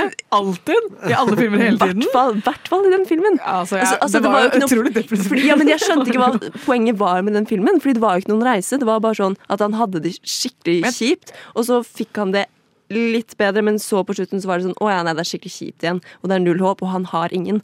Jeg skjønner at det er mer en, en sånn øh, reise for regissøren, på en måte. At det er mer sånn hvordan han opplevde Han trenger handlingen. å dra til en psykolog. Det gjør han absolutt. Men jeg tror det er, sånn, det er jo et bra øh, et, viktig ting å ta opp, da, hvis det, for det har jo åpenbart farget hele hans liv fra start til slutt, på en måte. Ja, og, men det syns jeg var nesten litt sånn Eller ubehagelig. Eller sånn Jeg så kjente at sånn film, ja. Dette har han Ja. levd gjennom. Og ja, så jeg syns Jeg ga den jo tre stjerner, så det er liksom OK, bra skrevet, men merkelig struktur og uenig i budskapet. Jeg må definitivt se den her igjen, fordi den var, strukturen var veldig vanskelig. Den flyter veldig mellom liksom, virkelighet og ikke, på en måte, og jeg syns uh, utrolig vanskelig å følge med til tider. Men det er jo en sekvens der hvor, du, hvor han liksom da faller uh, spesifikt liksom gjennom virkelighet og ikke, og han liksom plutselig våkner opp i en seng i virkeligheten, og så, men så plutselig så er han tilbake igjen hos foreldrene sine i liksom denne drømme... Uh, ja, drømmeverden, eller hva man skal kalle det. da Men plutselig også tar han med kjæresten på, uh, Paul Mescal sin karakter inn i foreldrene sine hus, og jeg, jeg skjønte liksom ikke helt strukturen der. Så jeg må se Ja. den på nytt og liksom bare prøve å tegne meg et uh, kart eller en, eh, en vei dit, må si. Ja. For den var litt sånn all over the place. Men um, jeg likte veldig godt den strukturen, altså i hvert fall spesifikt den scenen hvor de er i klubben. Ja. Og den han hopper gjennom realiteter og sånn, den, den likte jeg veldig godt. Det er veldig kult. Boom. Jeg har også to filmer jeg ikke likte. Uh, kjapt. Første, You Hurt My Feelings. Mm. Med da uh, hun som spiller Eileen i Seinfeld. Jeg husker ikke hva hun heter for Mm. fornavn. Dreyfus. Dere vet hvem jeg mener. Eh, hun, hun og mannen hennes er i et ekteskap, et langt ekteskap, der hun er forfatter og han er psykolog. Apropos psykologer. Og så eh, finner hun ut at eh, hun overhører at han snakker om hennes nyeste bok, hvor mye han ikke liker den boka. Og hun, hele hennes virkelighet bare faller fra hverandre. For hun er bare sånn Hvordan våger han å si noe sånn? Jeg har stolt på han hele livet mitt, og det er liksom mitt mesterverk, og han har sagt at han likte den hele veien, og nå innser at han ikke har likt den en eneste gang. Du såret meg. You hurt my feelings. Ikke sant? Ja. Og så finner jo da alle ut, for det er jo ikke bare dette ekteparet, det er jo da søsteren til hovedkarakteren og hennes mann, som da Han er skuespiller, og hun er interiørarkitekt. og så finner de ut at de også har ljugd om hverandre på liksom helt sånne banale ting. Sånn 'Å, jeg likte den lampa du plukket ut', og så gjorde han egentlig ikke det. Og hun sa 'Å, jeg elsker skuespillet ditt', og så gjorde hun egentlig ikke det. Og der jeg tror jeg var for ung til å se den filmen her, for jeg er ikke gift, og jeg har ikke vært i et ø, årelangt forhold, liksom.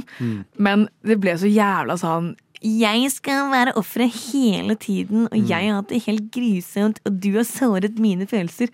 Og det ble bare litt mye, liksom. Mm. At alle skulle bli såra. Og så var liksom eh, budskapet at eh, en hvit løgn i ny og ne er ikke gærent. Og så er jeg sånn Det vet jeg jo! Ja, faen. Trenger ikke å lage en jævla film for det. Ja! Og den var bare litt for lang, og den gikk bare liksom i en sånn sirkel ned som jeg bare Mm. ikke likte. Og den andre filmen jeg heller ikke Mm. likte, eh, var May December. Denne Natalie Portman og Julianne Moore-filmen der Mm. Julianne Moore er en eh, godt voksen dame som er sammen med en fyr som er i tidlig 30-åra. Hun er da eh, 30 år eldre enn han, Mm. og har vært i et forhold med han siden han var 12 år og hun var 31. eh, og så havner hun i fengsel for dette, her, fordi de ble tatt på bakrommet på en dyrebutikk som hun jobbet i og ansatte han i. Og så er de fortsatt sammen da eh, 20 år etterpå, eller 18 år etterpå, for de har nå fått barn og de skal på college og alt mulig. Mm. Og så er Natalie Portman da en veldig anerkjent skuespiller som skal spille Julianne Moore sin karakter i en film de skal lage, som skal da portrettere den tiden der hun ble tatt for dette forholdet med mannen sin. Og jeg bare syns den var utrolig teit. Ja. Jeg, jeg føler denne filmen her for meg var sløst. og jeg ble liksom, Ja! På slutten av den så var jeg utrolig sinna, for jeg følte oppbyggingen var nesten en sånn Jeg forventet litt sånn Black Swan. Det er sikkert jeg er bias fordi det var Natalie Portman, men jeg forventet litt sånn Black Swan at hun faller så dypt inn i denne karakteren at, at det blir liksom en skrekkfilm, og plutselig Altså, Jeg skal ikke spoile for mye, men hun, altså, hun, gjør visse, altså, hun gjør visse ting som tyder på at hun kanskje har blitt denne karakteren. Da. Men jeg føler utspillet av det og klimakset i det hele, hele situasjonen var liksom aldri noe særlig. Eh, og jeg føler eh, i hvert fall eh, disse to skuespillerinnene, altså Natalie Portman og Julianne Moore, fy faen så sløst de er, for talentet deres er så jævlig svært. De det spiller bare- jo kjempebra, Ja. men det er sånn Det skal jo være på en måte en eh, film om hvordan hun har liksom manipulert mannen sin hele Mm. livet hans. Og han har jo en scene der han liksom går rett til kjelleren og er sånn jeg, 'Dette er den eneste virkeligheten jeg har hatt. Jeg har ikke levd et annet liv enn med henne.' Og hun er på en måte en morsfigur for meg. Mm. Og der ligger det så mye potensial til en Ja. skikkelig kul liksom, thriller eller noe sånt. Mhm. Og så er det da Natalie Portman som prøver å være som en sånn skygge i den familien. Og prøver å få med seg alle de små greiene. Og så sier de så mye shady ting. Mm. Men det blir aldri plukket opp og bringt noe videre. Jeg føler også oppbygningen for meg virker som at det skulle bli en slags skrekkfilm av noe slag. Og jeg, hadde, altså jeg er kanskje litt biased, for jeg er glad i skrekkfilm, men jeg hadde så sykt lyst til at det skulle bli det. Og jeg syns òg at Julianne Moore spiller så crazy bra. I hvert fall den der, bokstavelig talt crazy, for hun spiller, litt, altså hun spiller jo litt psykotisk. Hun er jo liksom. syk i hodet, liksom. Hun er jo det. Og jeg føler karakteren hun spiller, er jo Altså, eh, alle problemene hun har, er liksom bare sedimentert i forholdet hennes. Og så bare skjer det egentlig ikke så veldig mye med det. Det er liksom bare Konklusjonen er, er ikke noe særlig. Det er bare sånn de Jeg husker ikke om de, de slår vel ikke opp engang, tror jeg. Det Nei, De blir fortsatt sammen, og filmen eh, blir laget der Natalie Portman skal spille henne. Mm. Men det er jo øh, han Faren, eller mannen da til Julianne Moore, har jo da barn, og han er liksom 16 år eldre enn barna sine. Mm. Så han har jo på en måte ikke fått levd det livet de nå skal leve, fordi han har vært i et forhold med Julianne Moore siden han var tolv år. Mm. Så når da han liksom catcher kidsa sine i å røyke hasj og dra på fest, så er han sånn 'Dette har jeg aldri gjort før'. Og det, det, er, det ligger så mye i det. At Mm. liksom hun har bare manipulert han hele livet hans. Og så Hun er bare syk i hodet. Ja. Det er jo sånn scene der hun, hun baker jo kaker til alle i nabolaget sitt. For hun har ikke jobb, selvfølgelig. I don't know. Så hun får da ukentlige bestillinger fra naboene sine til liksom mm. uh, peach cobbler og ostekaker som hun lager. Og hun lager kaker hele tiden. Og så fordi Natalie Portman er der og liksom roter opp i lokalmiljøet, så begynner de andre naboene å skjønne at dette er jo egentlig ikke greit å sitte og støtte, dette forholdet de har. Så de slutter å bestille kake fra henne. Og hun får faen meg helt Helt panikk Han hadde ingen kjøpe kaker! Og hva skal hun gjøre? Og nå må den kaka gå rett i søpla.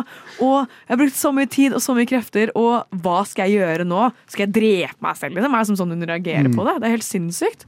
Altså, jeg er enig i at potensialet var litt kasta bort. Altså, sånn, for det er en superinteressant historie, og det fins jo ja, mye man kan trekke fra virkeligheten. Altså, det har jo skjedd før. Ikke akkurat det, men, men liksom noe lignende, da. Og jeg syns det Aaron Taylor Jones. Shout out til den. Ja. Og jeg synes eh, det er derfor en veldig interessant historie, men jeg syns han var bra. Altså sånn ikke sånn fantastisk. Jeg tror han ga han tre stjerner. eller noe sånt. Gjorde du det? Mm. Tenk han halv stjerne, altså. Ja, men det, Jeg var ikke imponert. Nei, men det, jeg syns han var veldig kul, fordi at det var eh, sånn Ikke kanskje helhetlig, men noen scener bare virkelig bygde det opp for meg, fordi at de var så sterke. Og jeg syns de ga liksom en sånn eh, interessant liksom, eh, interessant blikk inn i de, og hvordan det har påvirka de, istedenfor at det bare Mm. liksom sånn, handler om hvordan dette skjedde, men litt mer om hvordan det har påvirka de i ettertid, nå som de har blitt voksne. Som for eksempel det at han liksom sitter der og røyker en joint med, med sønnen sin, og så kommer hun, og så er hun liksom sånn Hallo, hva skjer? Altså, at hun, hun blir liksom mora hans, og, men samtidig så er han fortsatt en, en mann. Og jeg, bare, ja, jeg syns liksom bare deres forhold og eh, hvordan de liksom eksperimenterer med det, eller ja, viser det, da, er veldig interessant. Jeg syns òg spes spesifikt den der scenen hvor hun får packeren med kaka. Da tenkte jeg sånn Oi, nå smeller det her. Nå Ja. går avhengslene. Og så bare Nei, det, bare, det skjedde ikke noe. De bare hadde en krangel, og så Rett videre til neste scene, liksom. Rett videre. Og jeg var sånn åh, da, satt, da, ble jeg, da ble jeg oppriktig sint når det skjedde. Men det er ikke det at vi ikke nødvendigvis hater disse filmene. Vi vil jo gjerne at dere som lytter drar og ser disse filmene Mm. selv og gjør opp deres egen mening, men dere har i hvert fall fått litt eh, tilbakemelding på hvordan vi syns disse filmene var. Og nå er vi drøye! Og så er det sånn, men dere er jo egentlig ikke det. Nova Noir. Vi har da snakket om filmer og uh, filmer vi likte, ikke likte, uh, hvordan Biff var, alt mulig. Hvis du skal oppsummere hvordan Biff var for deg, Hanna, hva hadde du sagt da? Jeg syns det var en skikkelig bra tur, og så masse bra filmer. Eh, kjente jeg ble litt sliten mot slutten. Da, nå vil jeg jo tilbake, men eh, mot slutten så var jeg sånn OK, nå gleder jeg meg til å dra hjem og sove i egen seng og bare ja, ta en ordentlig dusj med sjampo og balsam og alt mulig, for jeg gjorde ikke det der. Um, og jeg trodde liksom det å se film i sånn fem dager skulle være superavslappende, men det ble egentlig veldig sånn det er sånn stress, for du hopper fra film til film, og så har man litt forskjellige timeplaner, og så jobb, er det sånn Å, men hvordan skal vi Når skal vi spise sammen? Og ja, alt det. Men eh, jeg syns det var utrolig gøy å reise med verdens fineste folk. Det er jo liksom digg å sitte der, men du tenker bare på at ok, om en time så må jeg se neste film, og om fire timer etter det skal jeg se neste film, og når skal jeg få rekke å spise mat, og hvor skal jeg spise, og hva har jeg lyst på, og hvordan kommer jeg meg dit? For det er jo ikke bare å være i Bergen og så bare løser alt seg. Du må finne ut hvor alt er, når ting er, hvor du vil spise, hva du vil spise, og så prøve å da line det opp med liksom tre andre mennesker. Er, det er jo stress, liksom. Ja, Biff har jo veldig mange ulike lokaler, så du må jo finne ut hvilket lokale filmen du skal se vises i. Og så Noen er jo mye lenger vekke enn andre. Og det var sånn, Den ene røkeriet, som var liksom den ene salen, da, måtte jo helt ut på tuppene og liksom ja, Jeg vet ikke hva den plassen heter. Jeg er ikke så godt kjent, men, ja, men det er ikke brygga, det er liksom på Halvøyen, siden. tror jeg de kalte det. Ja, Ja, Halvøyen, Halvøyen, ja. da. Eh, og da, det tar sånn 15 minutter å gå bort dit. Så du må, det var liksom litt sånn stress, det òg, og Mm. bare transporten mellom.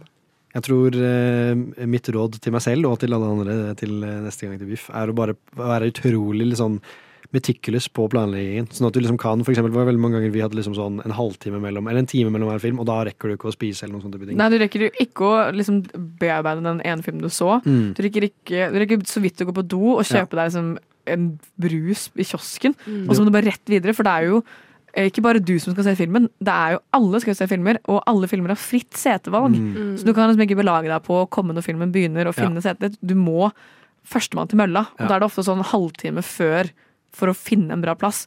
Og da blir jo en time gjort om til liksom ti minutter. For du må rekke å gjøre alle de tingene mellom. Mm. Og det er jo også veldig mange filmer som blir sånn som The Boy and the Heron og Poor Things og sånne type ting, som, ikke, som er pre-release og alt mulig. Eh, de blir jo solgt Utsolgt ut med en gang. Ja. Mm. Så det er veldig lurt å planlegge i god tid, og så det skal jeg definitivt gjøre neste år. Da skal jeg liksom legge det opp sånn at jeg liksom har kanskje to timer mellom hver film, eller et eller annet sånt, sånn at jeg liksom får kommet ut og spist litt, og du slipper å liksom Jeg brukte så mye penger bare på snacks i kiosken her, jeg. For bare å ha noe i magen, liksom. Ja. Og det anbefales ikke.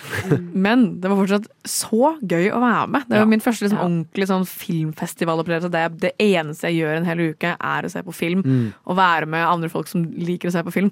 Og det var jo kjempegøy å da liksom være sammen, sove på rom sammen, se på film sammen, være sammen, snakke om filmene. Alt mulig. Det var jo så gøy, og Mm. jeg gleder meg veldig til å dra tilbake.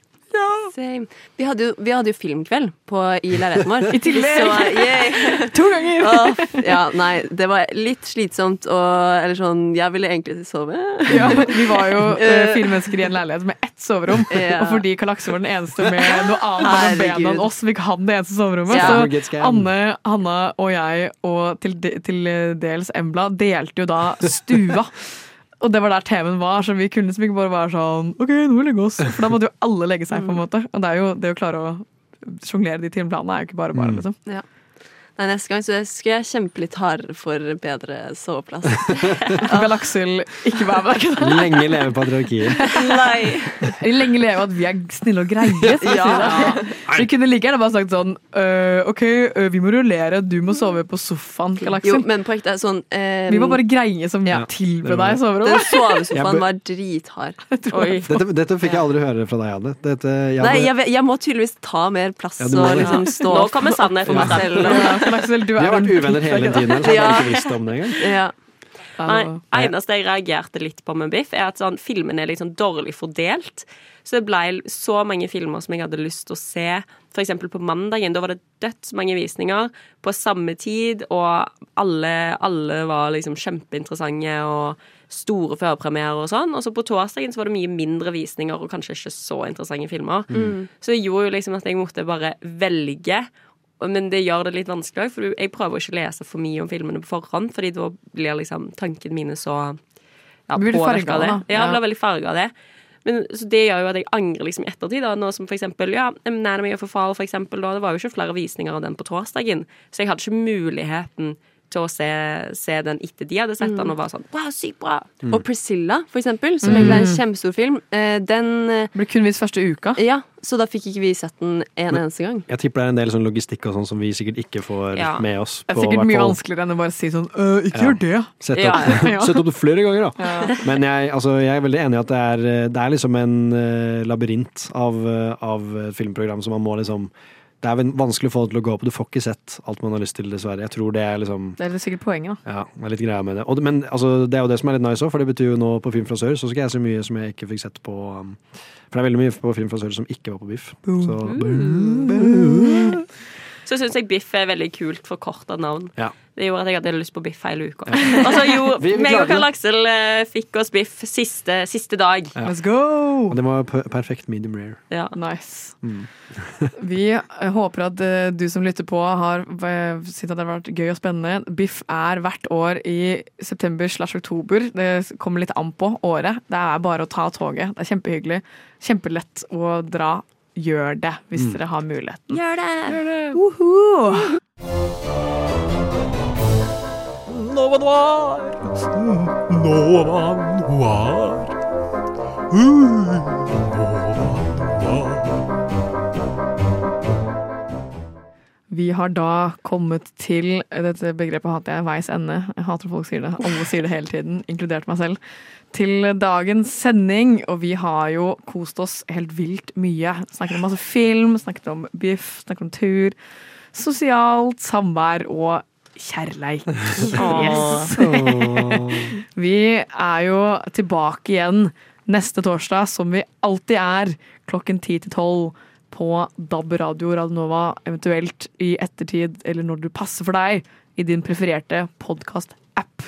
Jeg vet ikke hva med våre kollegaer skal snakke om neste uke, men det blir i hvert fall noe jævlig fett. Vi snakker om masse kult. Det blir gøy. Det blir ingen av oss, tror jeg. Nei. det Tror ikke det heller. skal Da blir jeg det kanskje ikke sendingen så Dere skal overleve. Dere overlever uten oss, selv om vi er de beste folkene. Ikke sant? Boom.